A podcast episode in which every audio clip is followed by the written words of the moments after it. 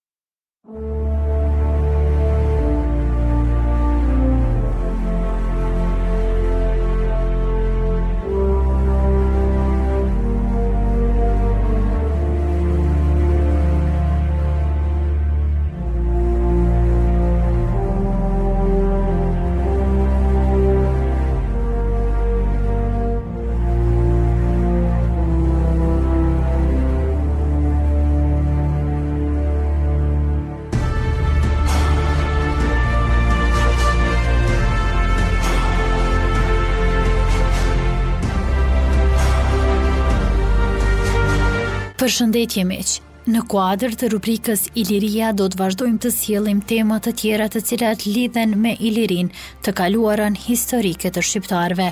Do të ndalemi tek probleme të historisë së formimit të gjuhës shqipe, arritje dhe detyra. Një libër i cili është shkruar dhe ka sjellë informacione të ndryshme nën autorësinë e Mahir Domit. Formimi i popullit shqiptar e i kombësisë shqiptare, si dhe gjuhës shqipe, përbën një problem të madh, kompleks e të vështirë. Kemi të bëjmë me një popull të lashtë, ndër më të vjetrit e Ballkanit.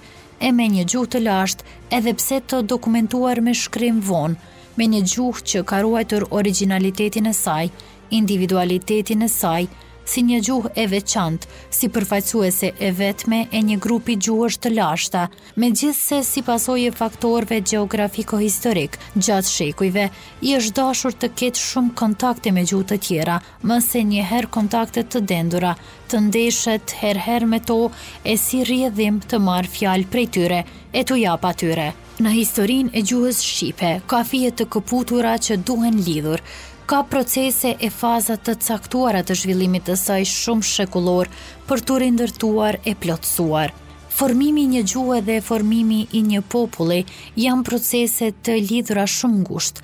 Të dhënat e tyre plotësojnë dhe sqarojnë njëra-tjetrën. Gjuha, si një dukuri shoqërore, është një kategori historike, një nga tiparet themelore të një njësie etnike, të një populli, aty ndryshon gjatë kohës në bazë të ligjësive të saj, sipas ligjeve, sipas zhvillimit shoqëror e politik të atyre që e flasin, si pasqyruese e historisë së popullit që e flet, gjuha sjell materiale me interes për të kaluarën e tij, plotëson e saktëson shumë herë të dhënat e burimeve të tjera, në qendër të të cilave qëndrojnë burimet historike, Veçanërisht me rëndësi janë të dhënat e saj për periudha e aspekte të padokumentuara të zhvillimit historik të kaluar.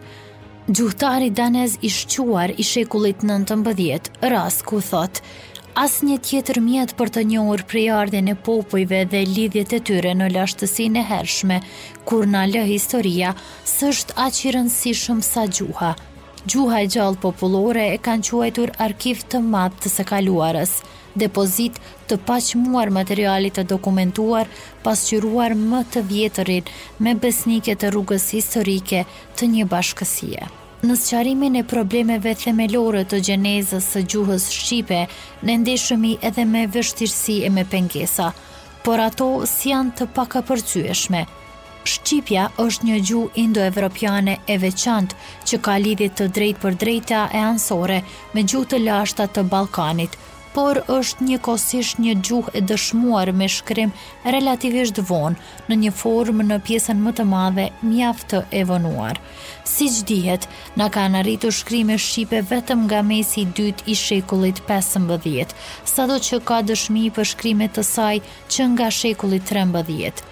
Materiali që disponojmë nga gjuhët e lashta jogreke të Ballkanit është i pakët dhe i njëanshëm, kryesisht i karakterit onomastik. Por çka ka humbur gjatë kohës gjuha jonë, zbrastinë që ka krijuar kjo në historinë e saj, mund të plotësohen në një mënyrë deri ku diku të kënaqshme, duke u nisur nga materiali i gjuhës së sotme, që përbën një dokument historik me vlerë dhe duke rindërtuar në bazë të tij e të të dhënave të kuajve të parë të shkrimit të shqipes, fazat e kaluara të padokumentuara nëpërmjet krahasimit të brendshëm e të jashtëm dhe vështrimit historik.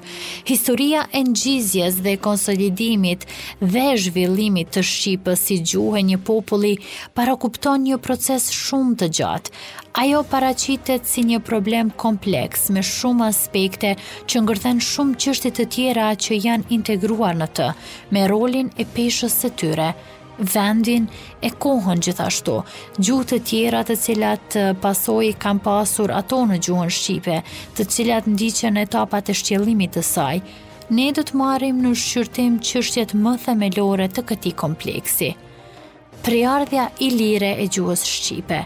Kur flasim për burim prejardhje të gjuhës shqipe, kemi parasysh lidhjen e drejtpërdrejtë gjenealogjike të saj me ndonjë gjuhë të Ballkanit të lashtë, identifikimin e parashqipes, e gjuhës vijim i së cilës është në kohët tona gjuha jonë, dhe jo fillimet më të para, të cilat lidhen me karakterin e gjuhës shqipe si gjuhë indoevropiane.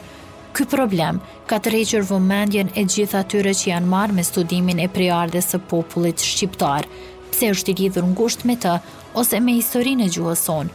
Ai është edhe mjaft lëvrues i ballkanësve. Ekziston për këtë një letërsi shumë e pasur, por mjaft heterogjene.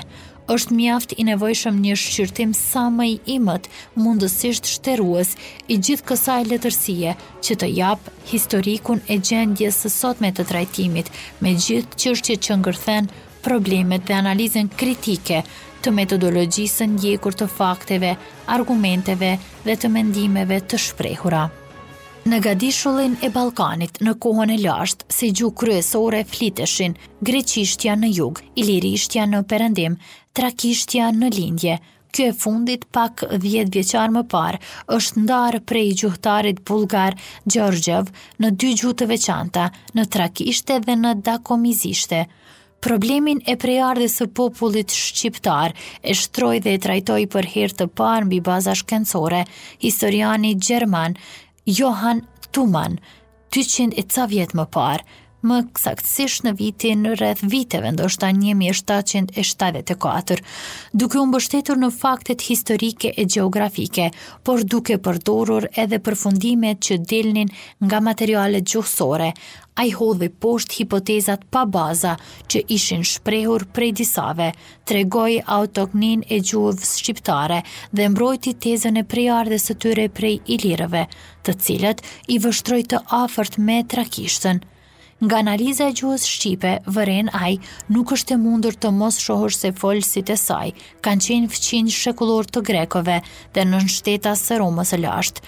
Si njëri si tjetri fakt të bien tek ilirët e vjetër. Ai thekson se populli shqiptar ka ruajtur bazën e vjetër ilire të gjuhës së tij, kurse depërtimi i numrit të madh huazimesh nga gjuhët e tjera pasqyron gjurmët e ngjarjeve dhe periudhave të ndryshme të historisë së tij. Më se një gjysmë shekulli më pas, dijetari austriak Hahn Vepra e të cilit studime shqiptare shënoi një etapë të re në më se një fushë të albanologjisë, shtroi pyetjen se a janë shqiptarët autoktonë në vendbanimet e sotme të tyre, të cilës pyetje iu përgjigj në mënyrë pohuese. Ai i shikoi shqiptarët si pasardhës të ilirëve, me të cilët afroi epirotët e maqedonasit, duke i lidhur të gjithë këta me pellazgët parahistorikë. Për të argumentuar tezën e tij të prejardhjes ilire të shqiptarëve të gjuhës së tyre, Hani përdori edhe materiale gjuhësore. Teoria e prejardhjes së shqipes nëpërmjet ilirishtes nga pellazgishtja u mbrojt përpara Hanit për një periudhë edhe pas tij nga një radhë autorësh arbëreshë të shekullit të tetëmbëdhjetë e më pas. Teza e prejardhjes ilire të shqiptarëve e të gjuhës shqipe gjeti miratim të gjerë në rrethet shkencore dhe u përkrah prej një sërë dijetarësh të shquar të fundit të shekullit të kaluar e të fillimit të shekullit tonë.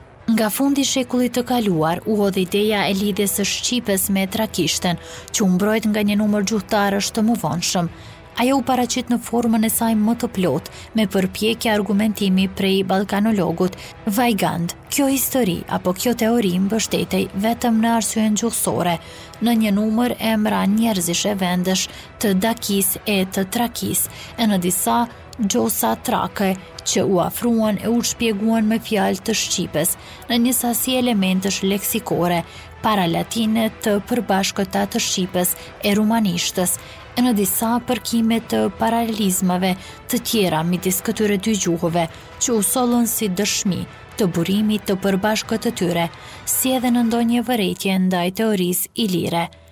Teza trake, e më vonë ajo dakomize, djepin e popullit shqiptar e të gjuhës shqipe, e shpinte pa asnjë mbështetje historike, më në lindje, në brendësi të Ballkanit, larg brigjeve të Adriatikut, duke kundërshtuar kështu autoktoninë e shqiptarëve që prej lashtësisë në vendbanimet e sotme. Pati edhe dijetarë që vunë në dukje lidhjet e dyanshme të shqipes me ilirishten, por edhe me trakishten, duke i menduar këto dy gjuhë të lashta të Ballkanit si mjaft të afërta – Një qëndrim i tillë u shfaq në një mënyrë a një tjetër tek Tunmani në shekullin e tetëmbëdhjetë. Kjo teori, në formën e saj më të plotë e më të kristalizuar, u shpreh tek albanologu i shquar austriak Norbert Jokli. Ai vuri në pah një sërë përkimesh e analogjish, në mes të shqipes dhe ilirishtes e trakishtes në leksik, por edhe në sistemin fonetik e fjalëformues, duke përfunduar se gjuha shqipe është shumë e afërt si me ilirishten si me trakishten. Jokli thotë, Sido që të jetë, shohim se trashëgimia gjuhësore e mbetur nga gjuhët e lashta të Ballkanit, si e ilirëve, ashtu edhe trakëve, lidhet shumë ngushtë me gjuhën e shqiptarëve. Kjo lidhje e dyfishtë mund të sqarohet vetëm nga parashtrimi i raporteve midis ilirëve dhe trakëve. Studimi i gjuhëve ilire dhe trake mori një hov të ri duke vështruar të dhënat e tyre me një sy më kritik, duke u bazuar orvatje të reja për të arritur një përvijim e sistemit fonetik të tyre, si edhe për të hedhur ndonjë dritë edhe në sistemin gramatikor, kryesisht në fjalëformimin e mjetet e tij. Përpara shkoi edhe studimi i problemit të prejardhjes së gjuhës shqipe dhe të popullit shqiptar, duke vijuar të ndahen mendimet kryesisht midis mbrojtëseve të prejardhjes ilire dhe atyre të prejardhjes trake, Për hir të punës së frytshme të shkencës shqiptare në arkeologji, në gjuhësi, në histori, në etnografi, teza e prejardhjes ilire të gjuhës shqipe të popullit shqiptar u zhvillua më tej, U përforcua me fakte, prova e argumente të reja dhe u imponua si teoria më e drejtë dhe më e pranueshme. Një ndihmesë me vlerë iu dha asaj nga seksioni shkencor Ilirët dhe Gjeneza e Shqiptarëve në mars të një mijë e nëntëqind e gjashtëdhjetë e nëntës dhe nga Kuvendi i parë i Studimeve Ilire në nëntor të një mijë e nëntëqind e shtatëdhjetë e dytës.